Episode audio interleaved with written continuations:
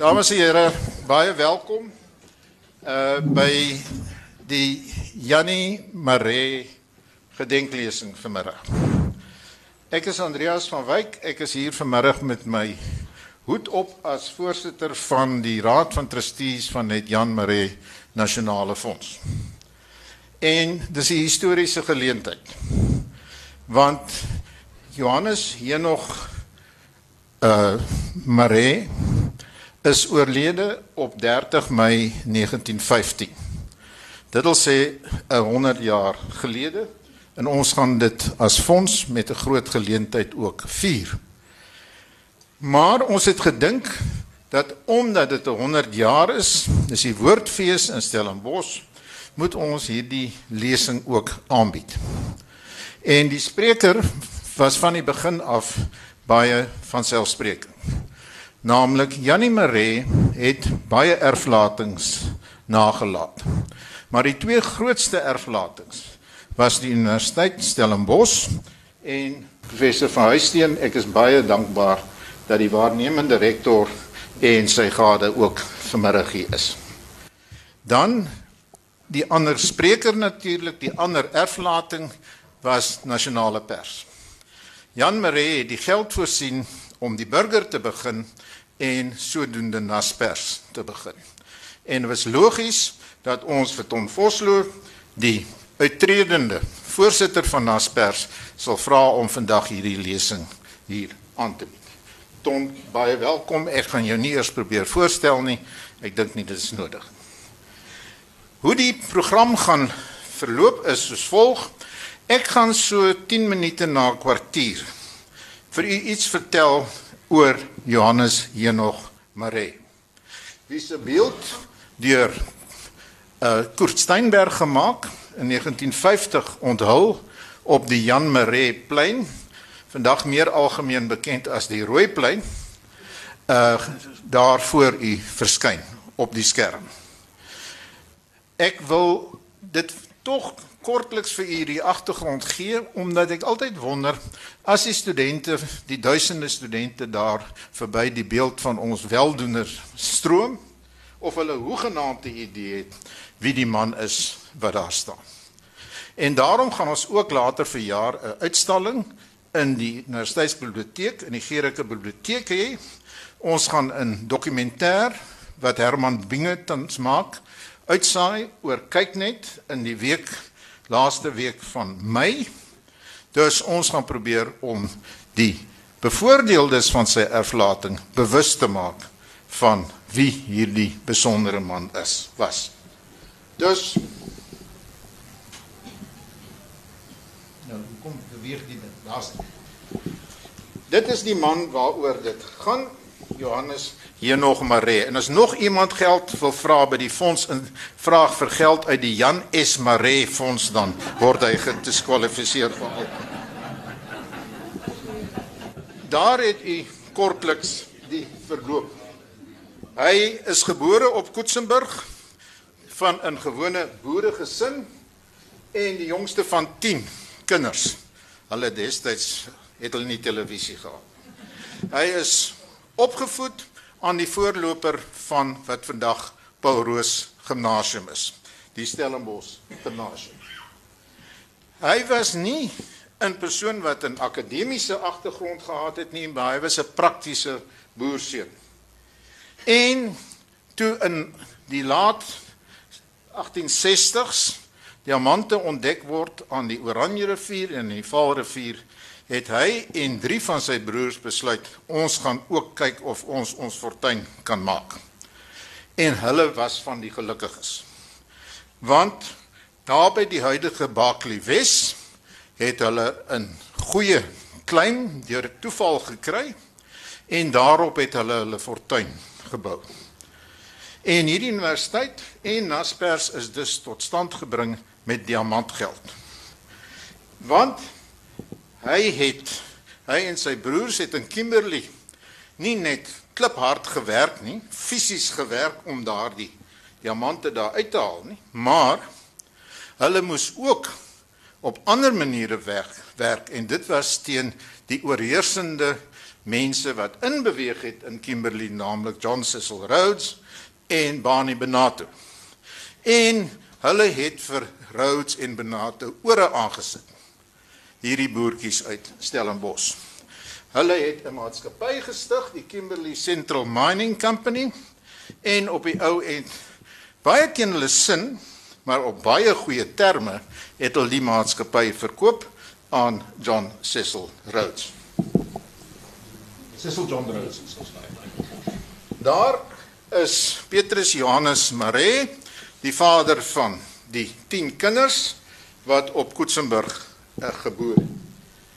En daar is 'n kaart van die Kimberleyse diamantvelde. As jy mooi kyk, kan jy dan die claims van die Maree broers daarop sien. Dit was twee van die broers, Pieter en Christian Maree. Die ander een wat Kimberley toe is was Frederik alias Frikkie Maree. En so het die groot gat gelyk toe die gat net begin het in die 1870s.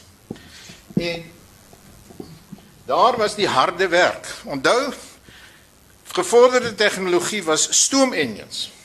So as jy iets wou laat draai, moes jy of donkies of perde of osse gebruik of 'n stoomenjin om goederes op te hys uit die gate. En hier sien jy die aktiwiteite wat daar aangaan is en dit is waar hierdie mense gewerk het.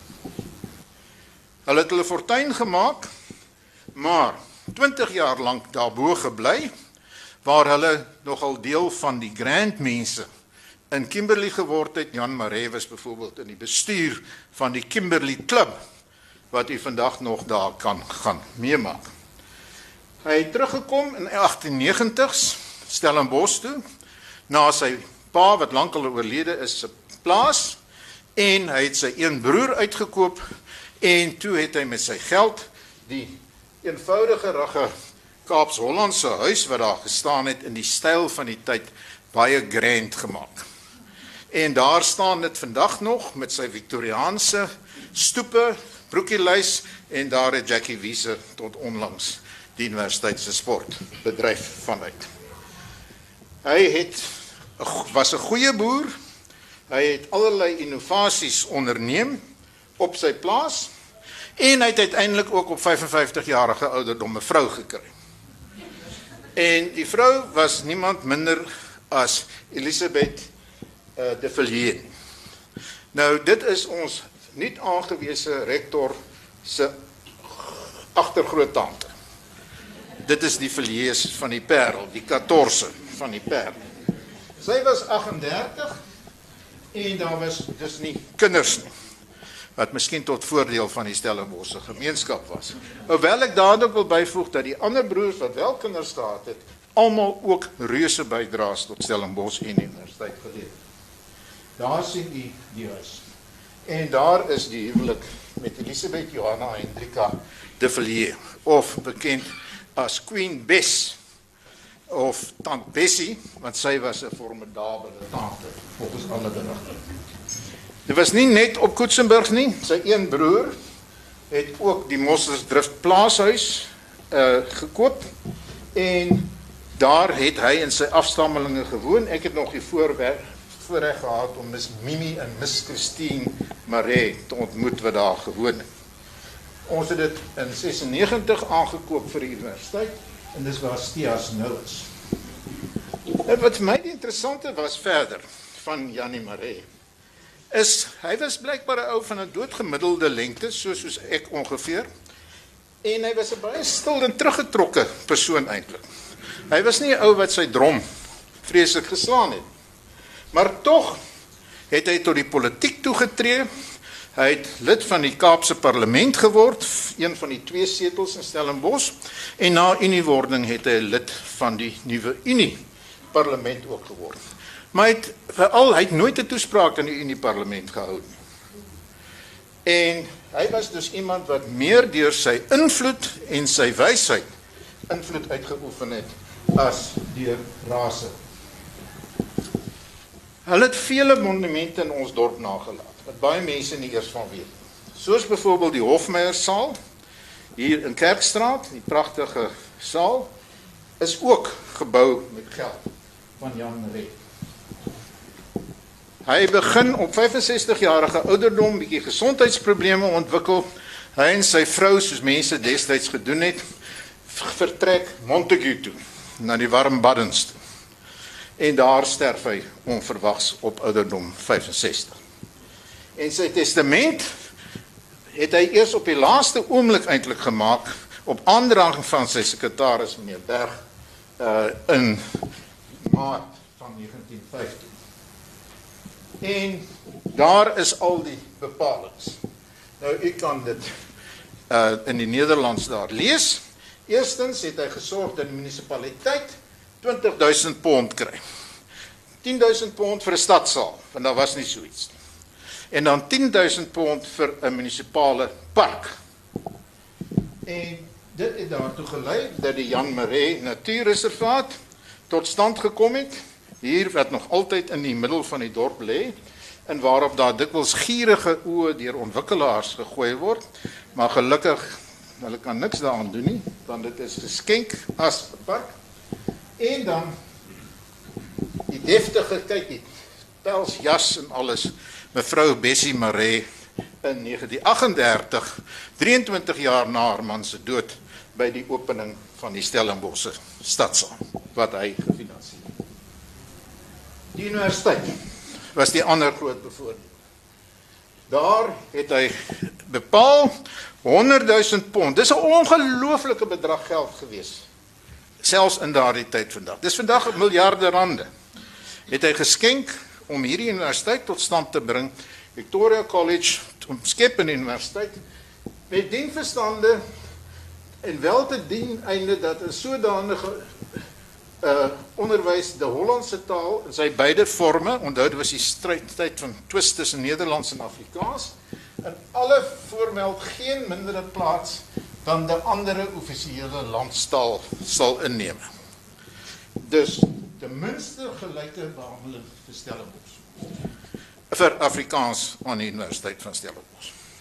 Dit is die Maree Biblioteek deur sy broer geskenk ook aan die universiteit, dis nie net hy gewees nie. Daar's Koetsenburg vandag. Alles grond van die universiteit. En dan ten slotte die Jan Maree Nasionale Fonds. Het Jan Maree Nasionale Fonds. Waar hy gesê het en dit was die restant van sy boedel, dit was 40000 pond, minder as die helfte as wat die universiteit gekry het. En die fonds ses trustees en hulle moet die as kommissie die bevordering nastreef van die nasionale belange op welk gebied ook al van die Hollandsprekende bevolking van die Unie met voorkeur aan die distrik Stellenbosch. En dis waar het Jan Marie nasionale vandaan fonds vandaan kom. En daar het hy 'n kort oorsig van die geskiedenis van die fonds. Dis heel toevallig dat ek en professor Mike de Vries, my voorganger as rektor, ook voorsitters van hierdie fonds geword het. Daar's geen koppeling van enige aard in die verband. Maar die belangrike is dat daardie fonds nou 1,3 miljard rand bedra en dit word uitstekend geadministreer en belê danksy die kundigheid van mense soos professor Kriege hier voor een van die mede-trustees.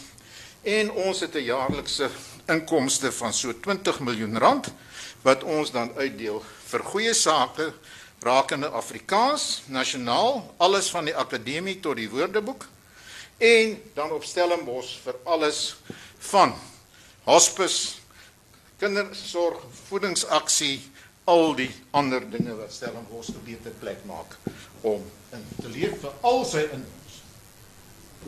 Dus hy was nogal 'n man wat 'n bietjie van 'n styl gehou het.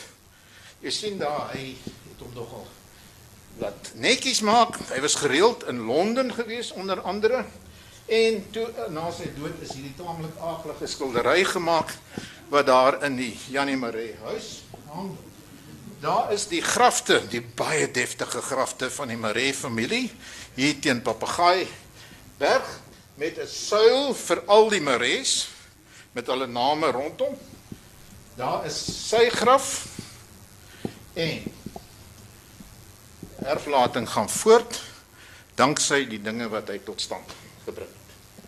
Baie dankie dames en here, ek gee vir u kom.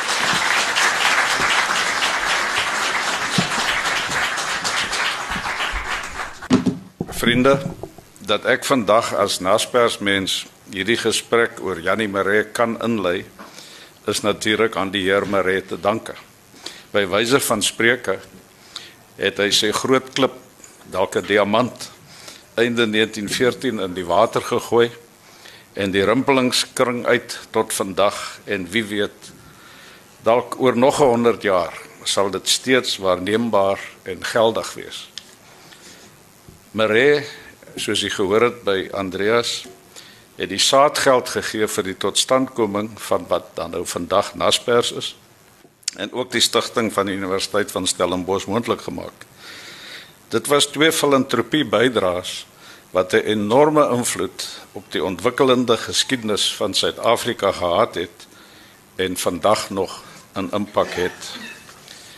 Ek sal my toespits op sy bydrae tot die stigting van die nasionale pers beperk wat in 1915 sy naam gekry het.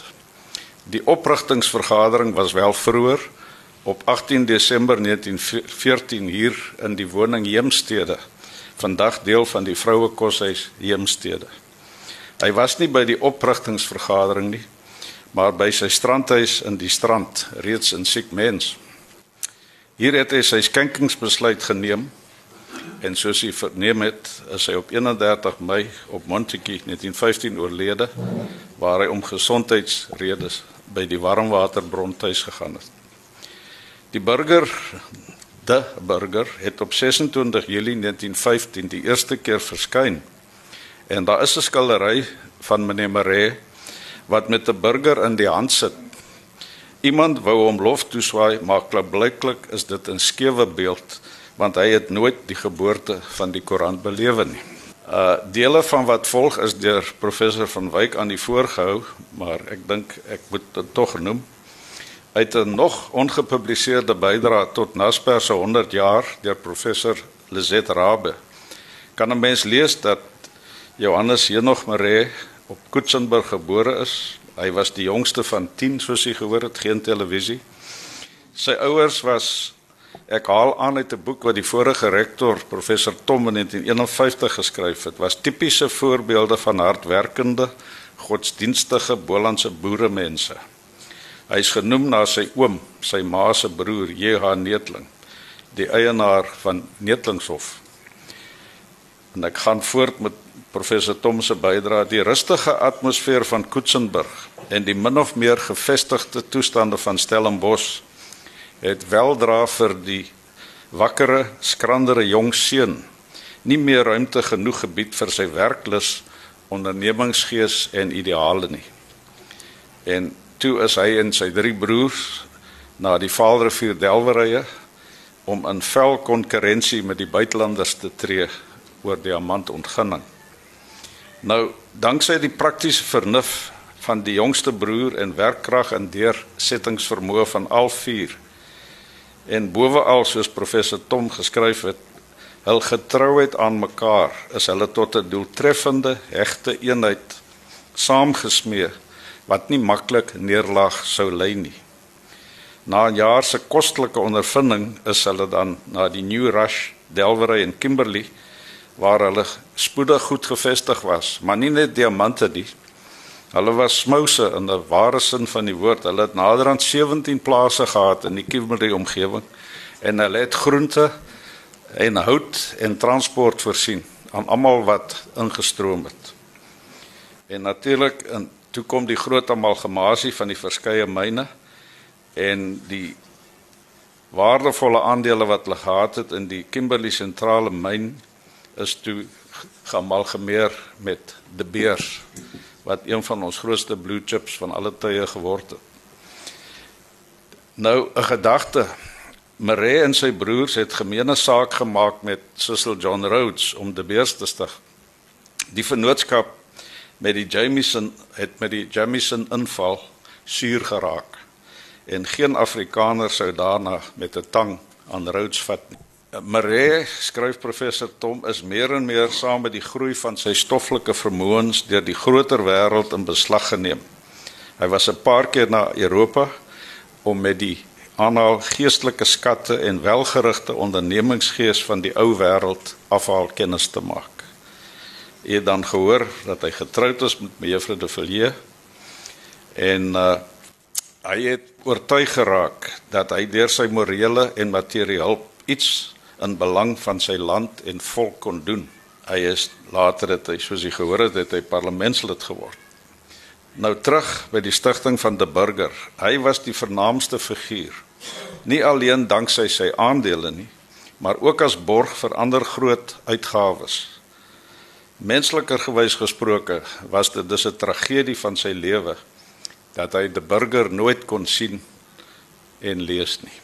Ondanks sy rykdom was hy 'n toonbeeld van eenvoud, opregtheid en nederigheid. Of 'n man ryk was of arm, of wit of gekleurd, dit het vir hom geen saak gemaak nie. Teenoor almal was hy vriendelik en hartlik. Toe hy in Montetjie gesterf het, is daar op sy begrafnis hier op Stellenbosch gesê: Stellenbosch sou haar regterhand moeten vergeten, als het vergeten sou wat Jan Mere voor haar was. Stellenbosch sal sy regterhand moet gee. Ek dink deesdae die linkerhand ook. Hy is beskryf as 'n Afrikaner wat waarlik groot was sonder gebaar of ophef waarlik goed gedoen het. Ek is ook dankverskuldig aan professor Pieter Kap, navorsingsgenoot van die departement geskiedenis aan die Vrystaatse Universiteit en 'n alombekende oud maatie en akademikus in Stellenbosch en professor van Wyk vir insa in 'n manuskrip oor 'n boek oor Janie Maree en sy broers wat vanjaar nog gepubliseer gaan word. 30 Mei, so dit is by die rolprent en al die dinge kom die boek ook. Nou in die manuskrip wat ek gelees het, getiteld Nalatenskappe sonder einde met die subtitel Janie Maree en die Maree broers as weldoeners van Stellenbosch in Afrikaans word volledig ingegaan op die mens Janie Maree, die sakeman, die politikus, die gemeenskapsmens en die filantroop. Kap skryf Maree was nie iemand vir openbare aandag en vertoon nie. Hy was 'n stil, teruggetrokke persoon wat nie veel gepraat het nie en reeds op die diamantvelde getoon het dat hy 'n praktiese mens is wat na werkbare oplossings vir spesifieke probleme soek. Tog het hierdie stil mens besliste standpunte oor eers Nederlands en toe Afrikaans en oor Afrikaner nasionalisme gehandhaaf. Genoeg om te sê hy het sy geld agter sy woorde geplaas deur die finansiële stiekkrag te gee met die lansering van Naspers en die burger 100 jaar gelede. Ek het die eerste skenking van 5000 pond van destyds laat omsit in vandag se geld. Dit kom neer op 'n skenkel skenking van op 'n nerf na 2 miljoen rand. Daarmee is aandele gekoop. En in vandag se waarde en veral nadat Naspers die afgelope week weer sterk geloop het, is dit sou daai aandele meer as 800 miljoen rand werd wees. Die geskiedenis kan soms draaie loop wat jy nie kan voorsien nie. 'n Mens wil niks wegneem van Janie Maree se filantropie nie. Maar dis werd om aan ag te neem dat sy broer Christian eintlik 'n groter weldoener van Naspers was.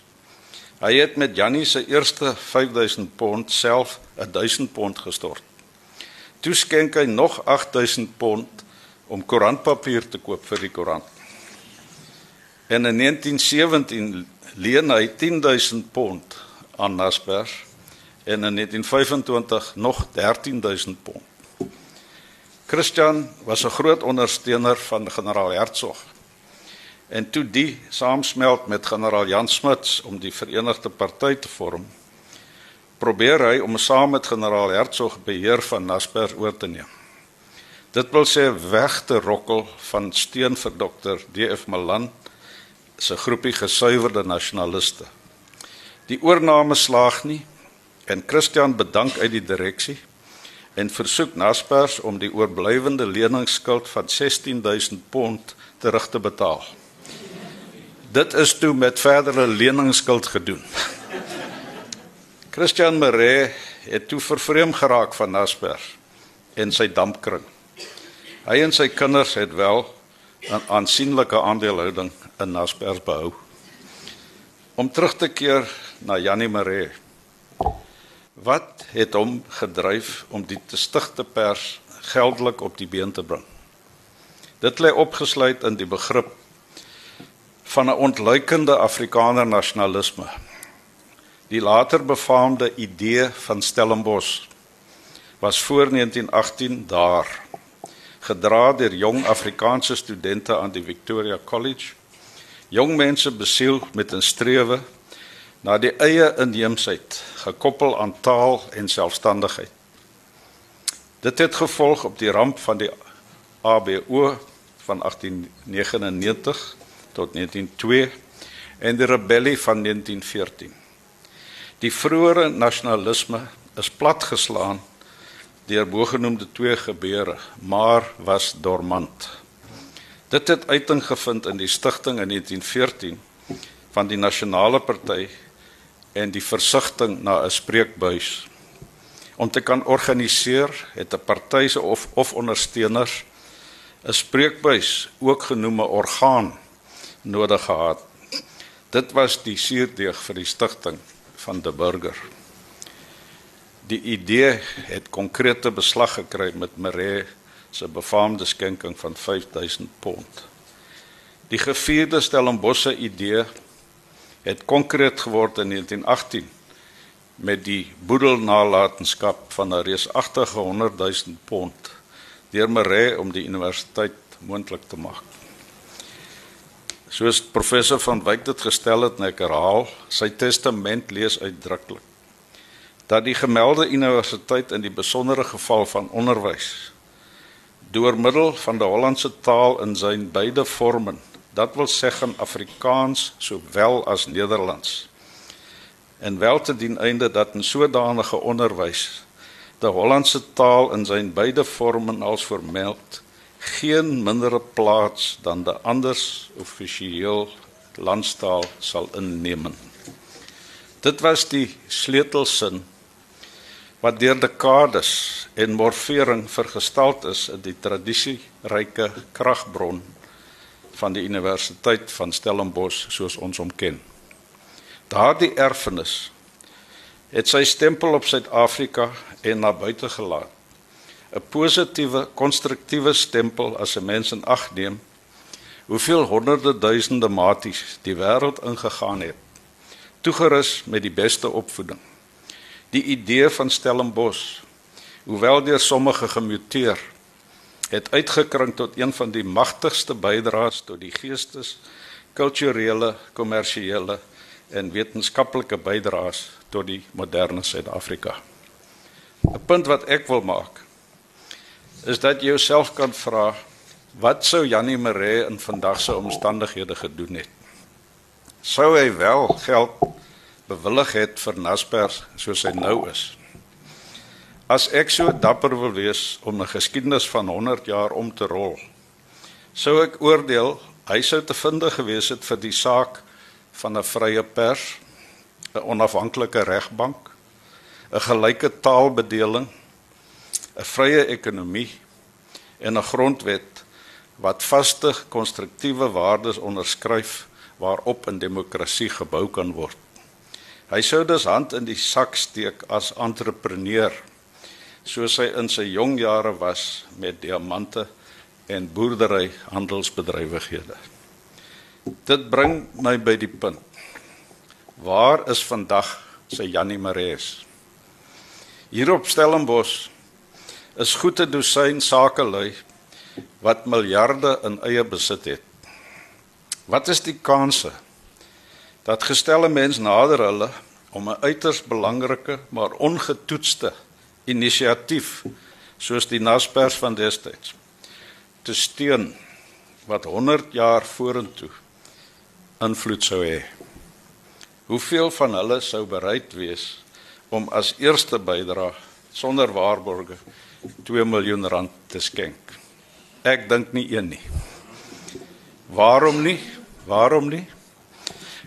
Omdat hulle harde kop sakelui is. Omdat hulle ideale dalk nie klop met die aansoekers se nie. Omdat die ismes van nasionalisme en humanisme en liberalisme dalk verwater geraak het omdat daar nie meer uitdagings is wat die hartsnare raak nie. Ek hoop ek is verkeerd. Want as Suid-Afrika sy jong demokrasie wil uitbou en sy goeie grondwet wil verskans teen die politieke uithollery, dan is dit mos 'n uitdaging wat die geldelike steun van die nuwe geslagte Jannie en ook Sari Mares dringend benodig. As nasie sal ons slegs vooruitgaan as daar individue soos 'n Jannie Mare van weleer na vore kom om 'n saak van belang te onderskryf. Dis my eie oordeel. Maar ons staan by 'n afgrond en regsinnige mense sal hande moet vat om die verlammende kruipende slopings te stuit. Dis 'n nuwe voorstel vir Stellenbosch, 'n idee vir Stellenbosch. Dit kan idealisties ingeklee word om wyd uitgedra te word en om jong mense te begeester. Dis my beskeie voorstel. Dit gesê is 'n mens dankbaar met die wete dat die nalatenskap van Janie Maree deur Naspers en deur sy fondse en trusts standhoudend is en sal bydra tot die nodige stabiliteit en groei. Baie dankie.